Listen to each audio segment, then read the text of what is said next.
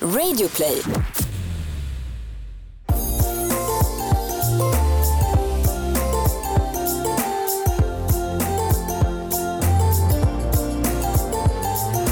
Hej och välkomna till ett nytt avsnitt av Bakom varumärket med oss Jenny Kaiser. Och jag Jessica Morales. Och så var det måndag igen och det är dags för ett nytt avsnitt. Jag är så peppad. och sommaren är här och fåglarna kvittrar och det doftar så gott där ute. Jenny har eventuellt ätit lyckopiller innan hon kom hit idag. Alternativt sprungit och har full av energi. Ja. Oklart vilket. Vet Kanske båda. Inte. Kanske båda faktiskt. Ja. men apropå lyckorus så är det ju faktiskt glädjande att se hur många i världen som jobbar för att det ska bli mer jämställda i samhället. Arbetslivet, i relationer, inom sporten och självklart även inom en av Sveriges viktigaste statliga myndigheter. Ja, och vilka pratar vi då om? Jo, såklart Försvarsmakten. Där vi idag har ingen mindre än eh, Försvarsmaktens eminenta marknadschef Johan Landeström i studion. Fantastiskt roligt att ha dig här. Tack, Hej Johan! kul att vara här. Ja, Välkommen. hur känns det? Det känns bra. Ja. Ja. Känner du dig trygg? Absolut. Avslappnad? Ja. Kaffet? Klart? Gott kaffe. Ja. Ja. Var, det, gott? Det är jättegott. Ja, Jessica? Ja. du- Rynka på näsan lite. Det Nej, bara starkt. Vi, vi är wimps du och jag. Hur har du haft? Har du haft en bra helg? Var du ute på Jag har- övning? Nej, det har jag inte varit. Nej. Jag är civilanställd så att jag är inte ute på övningar så ofta. Men du får åka med ibland och se hur det går till eller hur funkar det? Nå, det är även vi som jobbar på högkvarteret över, Ja. fast det är de funktioner vi har. Just det. Mm. Mm. Men innan vi börjar prata om eh, ditt eh, spännande yrke och om Försvarsmakten som helhet så tänkte jag bara, lyssnarna där ute kanske inte vet vem du är så skulle du kunna börja bara kort berätta om din bakgrund, var du kommer ifrån, familj, intressen, whatever. Jag, Johan Landeström, stockholmare sen barnsben, född på Söder, bor på Söder. Jag har tre barn, Mm. ett bor hemma. Eh, De andra två har då flyttat. Hur, hur långt bort är det tills det boet är helt tomt? Nej, det dröjer ett tag. Ja, okej. Filippa är bara 11 år. Ah, Mm. är det, det är ganska mysigt va? Ja, det är jättemysigt. Mhm. Hon har stort hästintresse så jag hänger mycket i stallet med henne. Rider du också? Så, eller? Nej, inte längre. Nej. Utan nu är det bara Filippa. Ja. Mm. ja, härligt. 11 år, en härlig ålder. Jättehärlig. Ja, förlåt, berätta mer. Eh, ja, sen eh, jag, eh, jag är marknadschef på Försvarsmakten. Jag har jobbat här i två och ett halvt år. Eh, ett tag var jag varumärkesstrateg. Innan det har jag jobbat som konsult i några svängar men jag har också varit marknadschef på Apoteket AB nästan sju år. Mm. Mm. Så att min bakgrund är ju väldigt mycket inom marknad kommunikation men jag har också jobbat som managementkonsult under många år Mm. på 90-talet. Och ett av dina första jobb, var inte det inom konsultsidan på någon byrå av något slag? Eller? Nej? Nej, vi hade under tre år en design och varumärkesbyrå Mm. Med 2001 till 2003 ungefär. Ja, men då vet du lite hur vår verklighet är då. Ja. Men du, Härligt tillbaka till apoteket. Förra året upphörde ju monopolet, monopolet att gälla. Eh, Ja. Så skulle apoteket ut och konkurrera på marknaden. Eh, Hur var, liksom, hur var den resan? Eh, Att gå från ett monopol till att vara i fri konkurrens. Den var mångbottnad. Nu hade vi ju fördelen att vi var ett av de mest älskade varumärkena i Sverige. Mm. Så där var ju utmaningen hur ska du behålla den här styrkan i varumärket i den förändringen som vi inte själva visste vad den skulle betyda. Sen var väl den stora förändringen nog kulturell. För plötsligt skulle då all personal utsättas för den här konkurrensen och börja i andra kedjor. För vi sålde ju apoteken med personalen. Så att det var mycket att driva den här kulturella förändringen också. Att gå över från ett statligt monopol till en kommersiell verksamhet och innebörden av det. Och om man då tänker lite grann apropå från strategi, planering till just implementering när monopolet då släpptes. Som allt vad, det. Hur, hur, vad hände internt? Har du liksom några minnen? Ja, vi dela? drog igång 20 strategiska projekt Mhm. eh, som drevs parallellt. Det var allt från logistikfrågor till IT-infrastruktur och sådär. Jag var ansvarig för varumärkesutveckling och design, hela visuella identiteten. Och vi höll på att jobba ganska intensivt under två år inför omregleringen. Mm. Och du var ju där i tio år nästan så apoteket har väl varit en ganska viktig eh, period i ditt liv tänker jag. Ja, absolut. Jag- Det började med att jag var konsult och jobbade med apoteket. Sen gick jag över och jobbade med utveckling av de digitala kanalerna. Och sen blev jag varumärkesstrateg och sen marknadschef. Men det var ju en ständig förändring så det var otroligt utvecklande även som individ att jobba med de här delarna. Kan tänka mig det. En sak som slog mig lite grann det här med när eh, avregleringen skedde var ju det här med namnet eftersom eh, ni hette ju, heter Apoteket, eh, eller Apoteket och eh, väldigt många av de nya aktörerna tog Apoteket som namn och så la man till någonting annat och så vidare. Hur jobbar man, hur tänkte ni där liksom varumärkesmässigt? Det har jag varit lite nyfiken på. Ja, namnet var ju så inarbetat så att det ska ju mycket till innan man byter det. Sen är ju apoteket, det säger ju att vi är apoteket. Det hade varit otroligt dumt att göra en så stor förändring och också byta namnet. Mm. Ehm, Och jag vet från de andra aktörerna, för de hade gjort mycket varumärkesundersökningar och var lite oroliga för att vi var så starka och många tog ju, gjorde, kopierade mycket av de koncept vi gjorde för att vara så lika. För det gäller att etablera sig i kategorin apotek. Det tog väl ungefär två, tre år innan kunderna började vänja sig ordentligt. Ja, sen så, man, förlåt, kör. Bara jag som blåser på. Ja, ja, ja, ja. Som sagt, hon har käkat uppåt i morse Kajsa. Eh, men det är bara lite intressant för att jag, jag tänker spontant, de erfarenheterna som tog med från, från apoteket, hur omsatte man den, dem i en helt ny verklighet som försvaret ändå måste vara? För jag tänker, de två organisationer bredvid varandra, det kanske utifrån sett så kanske det är större skillnader än vad det faktiskt är. Hur skulle du berätta för oss? Jag tycker att det klivet däremellan är Mm. så här fundamentalt stort i mina ögon, men det kanske inte är. Nej, de är inte så stora som man tror. Båda är ju professionsstyrda organisationer. Vad betyder det? Och på apoteket var det att farmaceuterna hade ju väldigt stark ställning, eh, vilket inte är så konstigt. Eh, och likadant är det inom Försvarsmakten. Alltså, har du, är du militär och officer så färgar du väl både din egen identitet men även organisationens identitet. Så där finns ju stora likheter. Ja. Och sen var ju inte apoteket en myndighet men hade ett statligt monopol och det gör att man är också väldigt lika i styrningen både från regeringen och hur man sen styr verksamheten så det fanns väldigt mycket likheter. En eh, sista grej på apoteket bara när vi ändå har det här med din erfarenhet. För det som jag också tyckte var så intressant när eh, monopolet då släpptes var att det blev en inflation i apotekbutiker. Det kändes som att det var liksom apotek överallt. Och det där har ju också fått en ganska stor eh, konsekvens på affären. Eh, vad jag läst liksom på lite grann tidigare var att varumärket var ju klart liksom viktigt men framförallt handlar det om närheten till den fysiska butiken. Var det så eller hur tänkte ni där? Jo men så är det. Alltså, eh, jag tror antalet butiker ökade totalt med 400 eller något sånt där.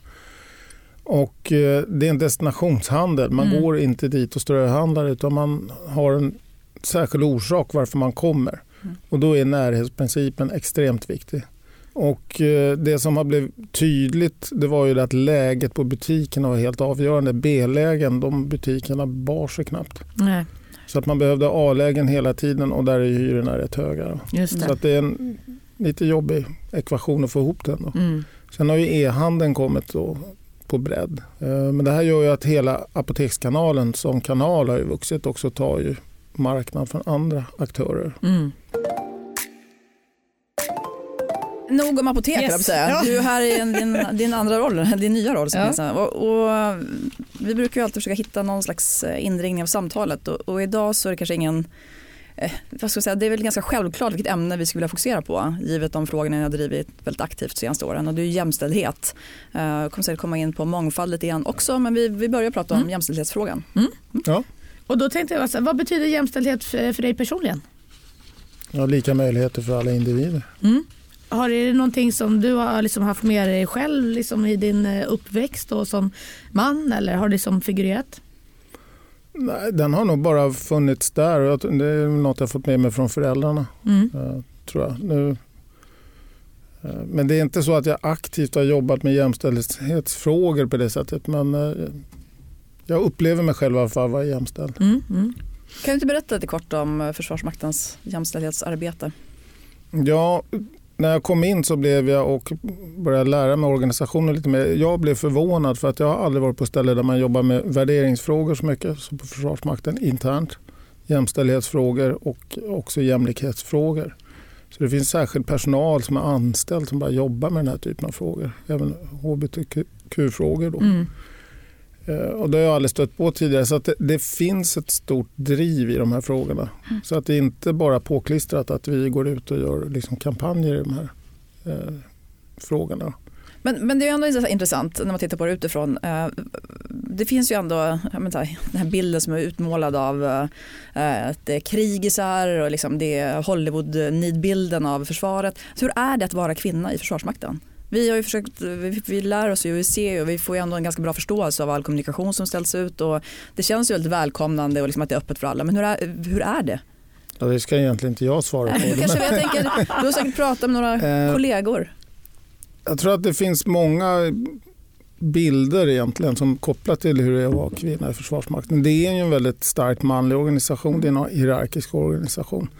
Nu är det så att kvinnor har funnits i Försvarsmakten rätt länge och de har ju fått vara normbrytande många gånger. Fått kliva fram och... Ja, och ta, mm. vara de som tar de här första kliven. I våran inställning är ju egentligen att vi ska vara ganska könsneutrala. Det spelar ingen roll om du är kvinna eller man. Utan alla ska behandlas på samma sätt. Så att vi gör ju inte något särskilt bara för att du är tjej. Nej. Och vi vet också när, inför kampanjer och annan kommunikation där vi kanske vill lyfta förebilder, för det är väldigt viktigt med förebilder man pratar med den externa målgruppen. Då till slut så tackar tjejerna nej eller kvinnorna nej för att ni vill bara prata med mig för att jag är kvinna, inte för vad jag kan. Mm. Så att det finns en dubbelbottnad i det här. Mm. Uh, jag tycker själv att den, är, ja, att den är svår. För att, uh, det har ju varit till exempel då, uh, diskussioner och den brukar blossa upp, upp och ner när det gäller till exempel kvotering i styrelser. Att kvinnor ska mm. kvoteras in. Mm. Och för några år sedan så kom jag, jag var på någon middag någonstans och det ett jävla liv Och jag var väldigt tydlig med att så här, jag tror inte på kvotering. Och varför jag inte tror på den var ju snarare från mitt personliga perspektiv att jag kände att men jag ville bli vald eller så att säga, för den jag är och det jag kan. Är. Precis, ja. min kompetens, min drivkraft, min personlighet. Inte för att jag är kvinna. Sen har jag under årens lopp när man kanske har mognat och ser saker och ting på lite annat sätt så tänkt så här, det kanske inte är så fel ändå eftersom det har gått så pass trögt i liksom förändringar även om vi har kommit framåt ska säga, rent generellt i samhället. Eh, och den tycker jag har varit ganska spännande utifrån sin eget perspektiv att man kan förändra också sitt sätt att se på det. Och det var diskussion ja, och där har ju starka kvinnor en eget ansvar också gå ut och vara den här förebilden. Mm, mm, verkligen. Så är det. Men i, i det här fallet så kan det ju bli lite jobbigt om du hela tiden får frågan. Kan du komma och prata? Kan du vara med i den här kampanjen? Kan du vara med i det här kommunikationstillfället? Mm. Eh, men nu börjar det komma flera och jag tänker framförallt på en då som är stridspilot. Hon var första kvinnan och det är ju en utmaning då att hela tiden få vara den som ska stå upp för att man är kvinna. Mm. Mm. Alltså det blir ju lite knasigt egentligen. ja, ja, ja. Eh, nu har vi tre stycken som är på flygskolan och ska bli stridspiloter så att det, det sprider sig och det blir normal, mer normaliserat. Och målen är ju att i år komma upp i 20 procent på mm. alla intag i utbildningarna då, ska vara kvinnor. Finns det vissa uppgifter som liksom kvinnor inte lämpar sig lika bra för? Jag tänker att det måste vara avgörande ändå lite kring fysik och så vidare. Kan vi göra alla saker som killar kan? Ja, det kan det säkert göra. Eh, men det finns ju vissa typer av befattningar där kvinnor har väldigt svårt, där de fysiska kraven är väldigt högt ställda. Det är till exempel röjdykare. Mm. Eh, men vi har jägarförband där det är tjejer inne. Och det är inte så som många tror att vi har ändrat de fysiska kraven för att det ska vara lättare för tjejer att komma in eller unga kvinnor att komma in. Utan det ställs exakt samma krav på alla befattningar oavsett om du är man eller kvinna. Mm. Men i vissa befattningar så finns det ju krav på högre fysisk förmåga och det är en fördel om du är man.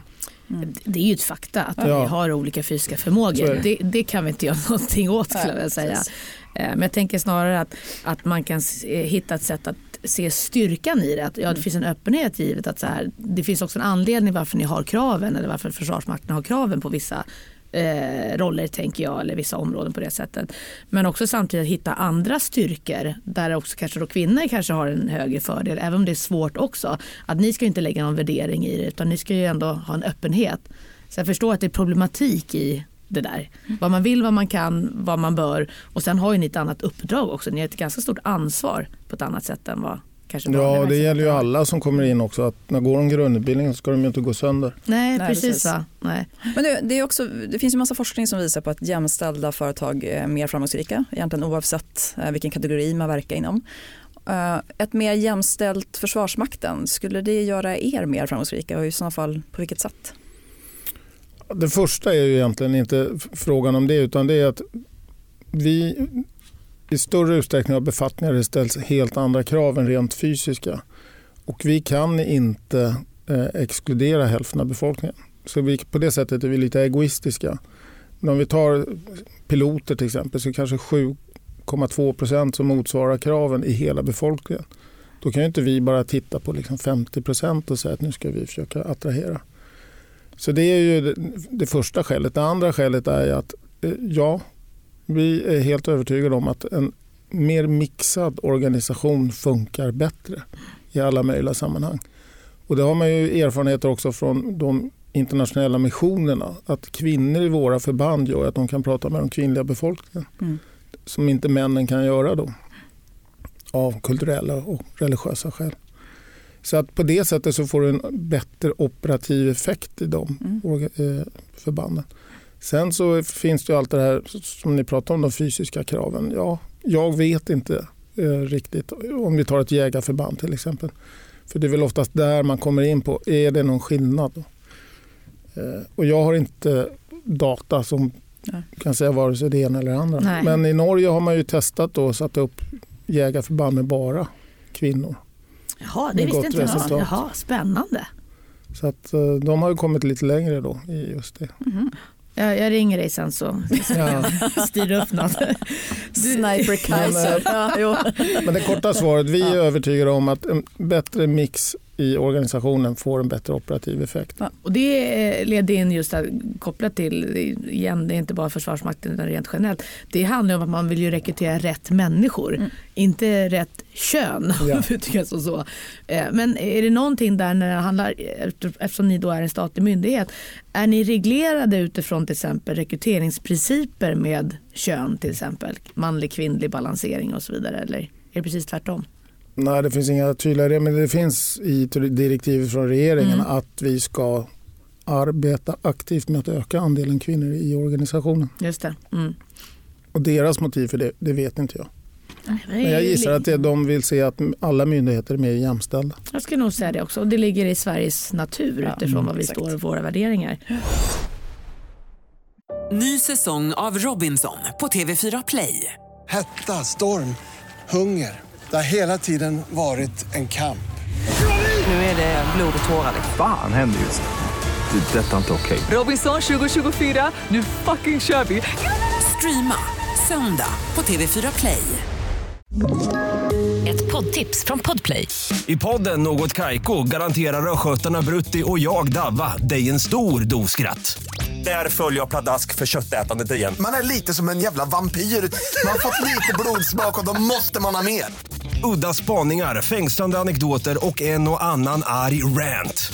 Jag måste ha mitt kaffe på morgonen för annars är jag ingen trevlig människa. Då är du ingen trevlig människa, punkt. Något kajko, hör du på podplay. Därför är gardinerna. En fråga som har varit på tapeten under lång tid är också hur man som homosexuell eller transsexuell ska kunna vara liksom verksam inom Försvarsmakten och känna sig trygg inom den miljön. Uh, och en, ett sätt att driva den här frågan är att fler vågar kliva fram förstås som Caroline Page i UK gjorde eh, som var den första öppna transsexuella officeraren i det brittiska flygvapnet. Mm. Visst, korrekt. Eh, och hon var i Sverige under Pride förra året och pratade väldigt mycket om sin erfarenhet.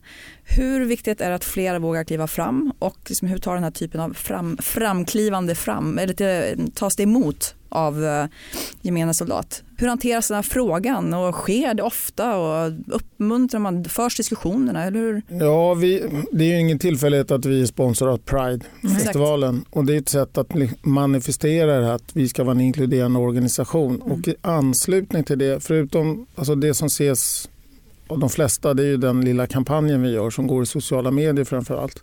Men vi har då också i anslutning till det seminarier där vi bjuder in folk utifrån landet att delta i diskussioner i just de här frågorna. Mm.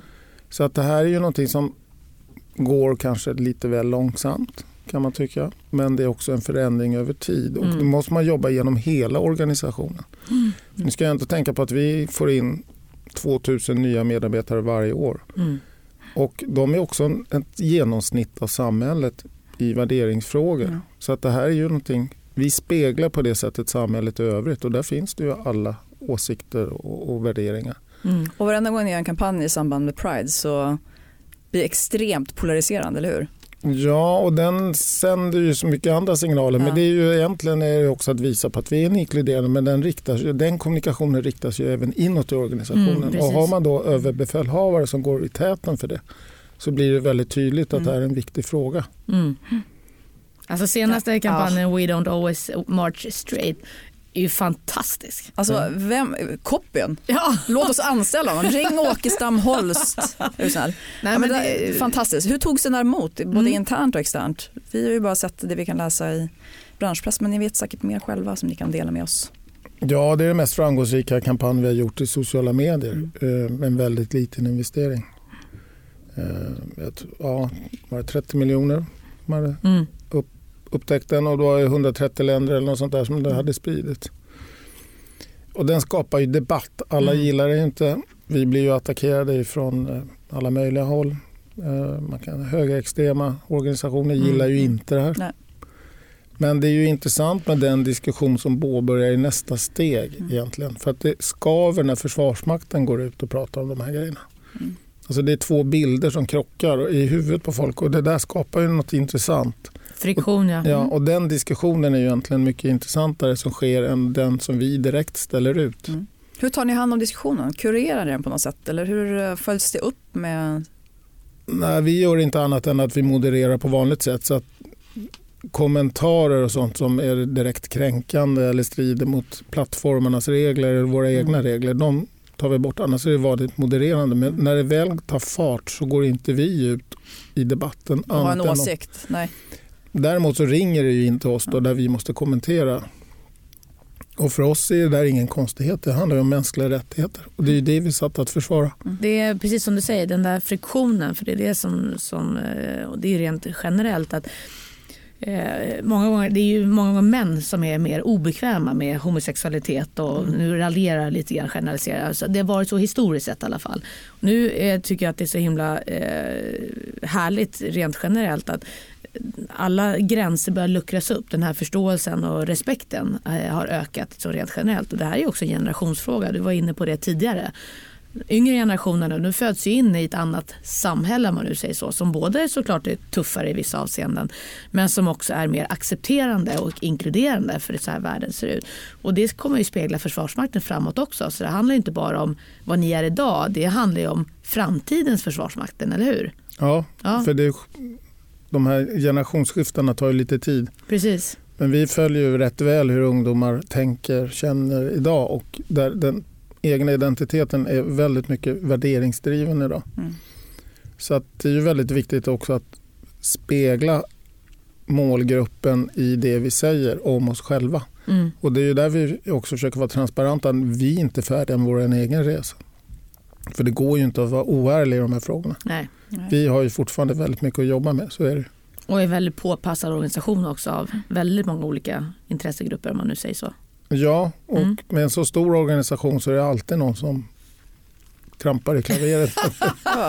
Ja, men 50 000 Såklart. personer också, det, Ja. det, det ingår. Nej, Minst, men ni, ni behövs ju också i allt större utsträckning bara kopplat till de frågorna som vi just är på. Även om vi har en generationsväxling och skifte som är mer tolerant, öppna och eh, accepterande så har vi precis motsatta mörka krafter på andra sidan kan man säga som också växer sig starkare utifrån extremister och så vidare. Så att ert uppdrag kommer bli än viktigare i att driva den här frågan fram, framledes känner man ju men, spontant. så, jag bygger på det där lite grann, det som dyker upp. Det går tillbaka till eh, alltså, försvaret är en av de liksom mest centrala, eh, inte bara myndigheterna, någon slags central trygghet i samhället eh, oavsett vad man egentligen tycker om det som alla olika eh, uppfattningar.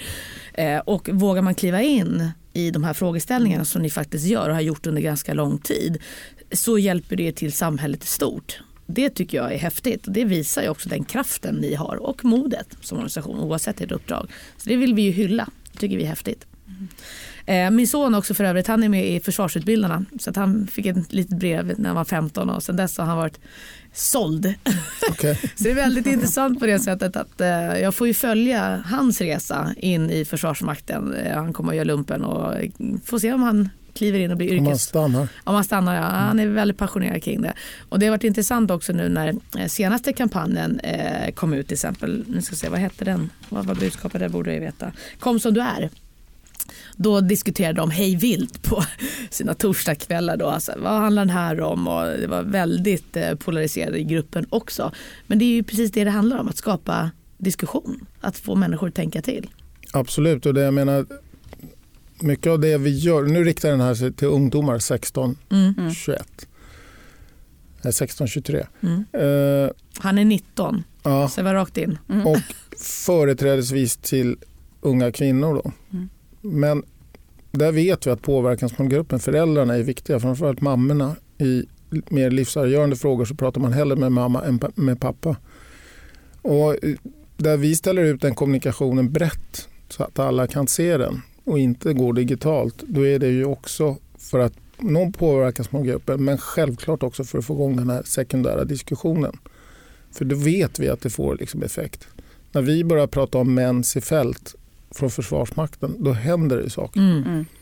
Och den här gången var det ju mer att visa upp att du kan vara, ha vilken bakgrund som helst när du kommer in i Försvarsmakten för att bryta den här stereotypa bilden. Just det. Mm. För att alla har ju som du inledningsvis sa en tydlig bild av vad en försvarsmakt är om man är också en, en militär. Mm. Mm. Det är ju den bilden vi försöker liksom tvätta bort.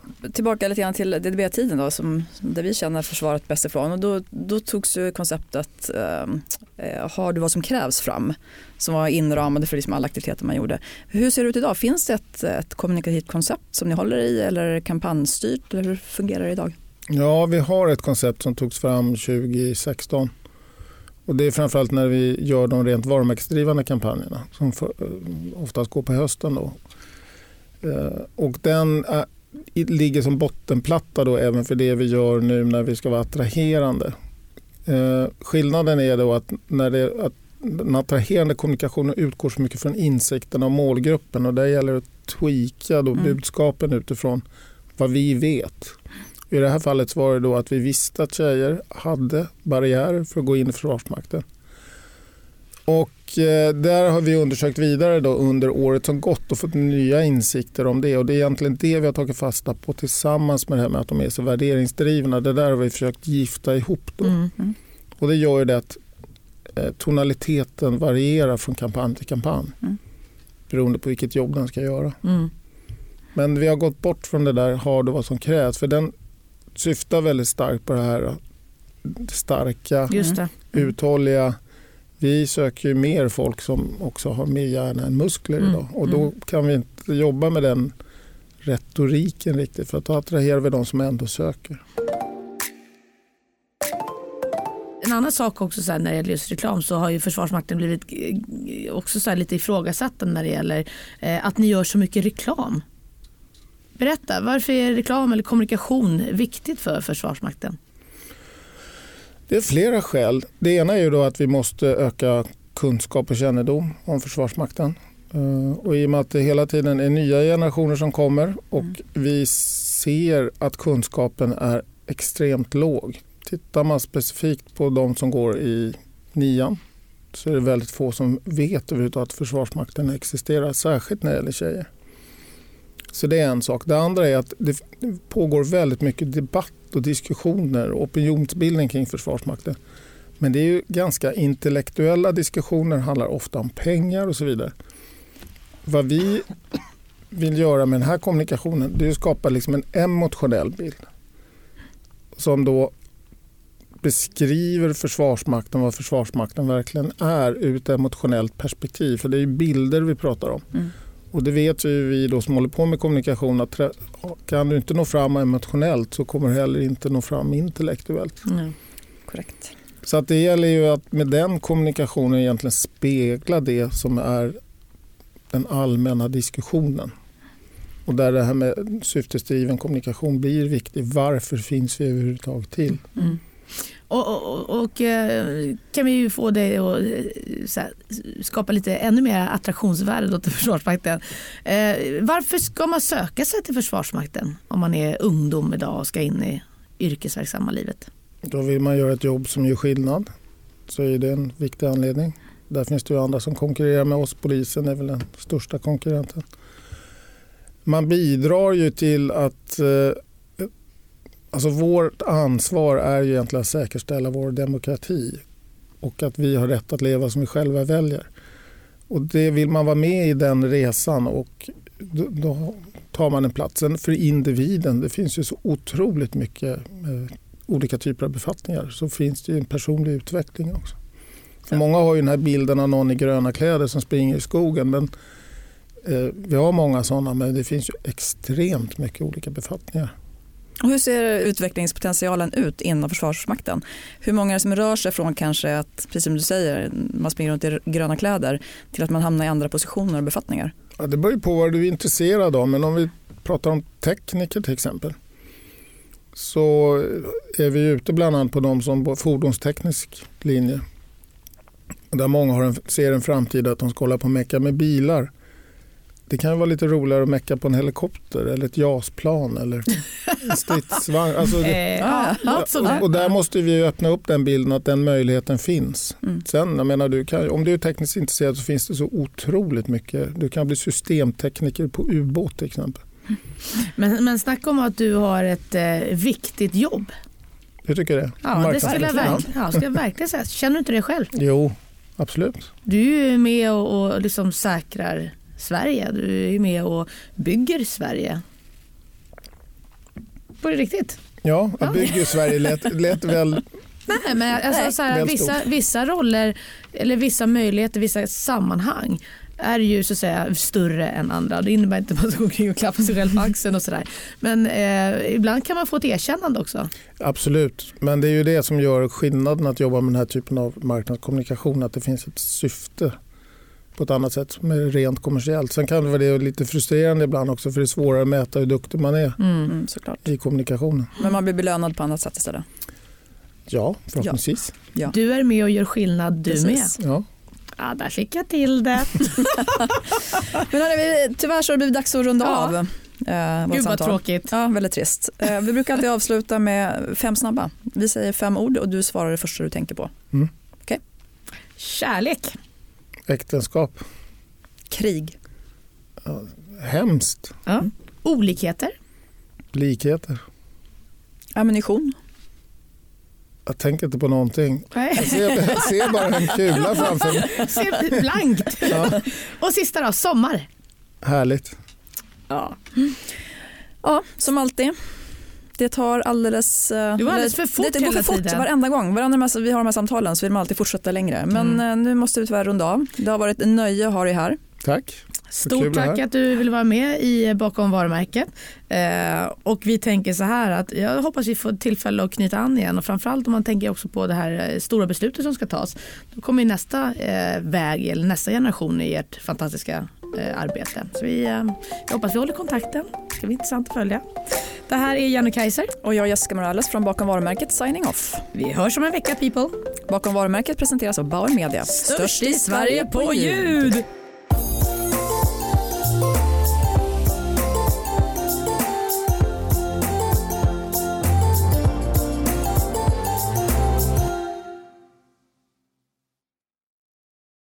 Ny säsong av Robinson på TV4 Play. Hetta, storm, hunger. Det har hela tiden varit en kamp. Nu är det blod och tårar. Fan händer just nu. Det. är Detta är inte okej. Robinson 2024, nu fucking kör vi! Streama söndag på TV4 Play.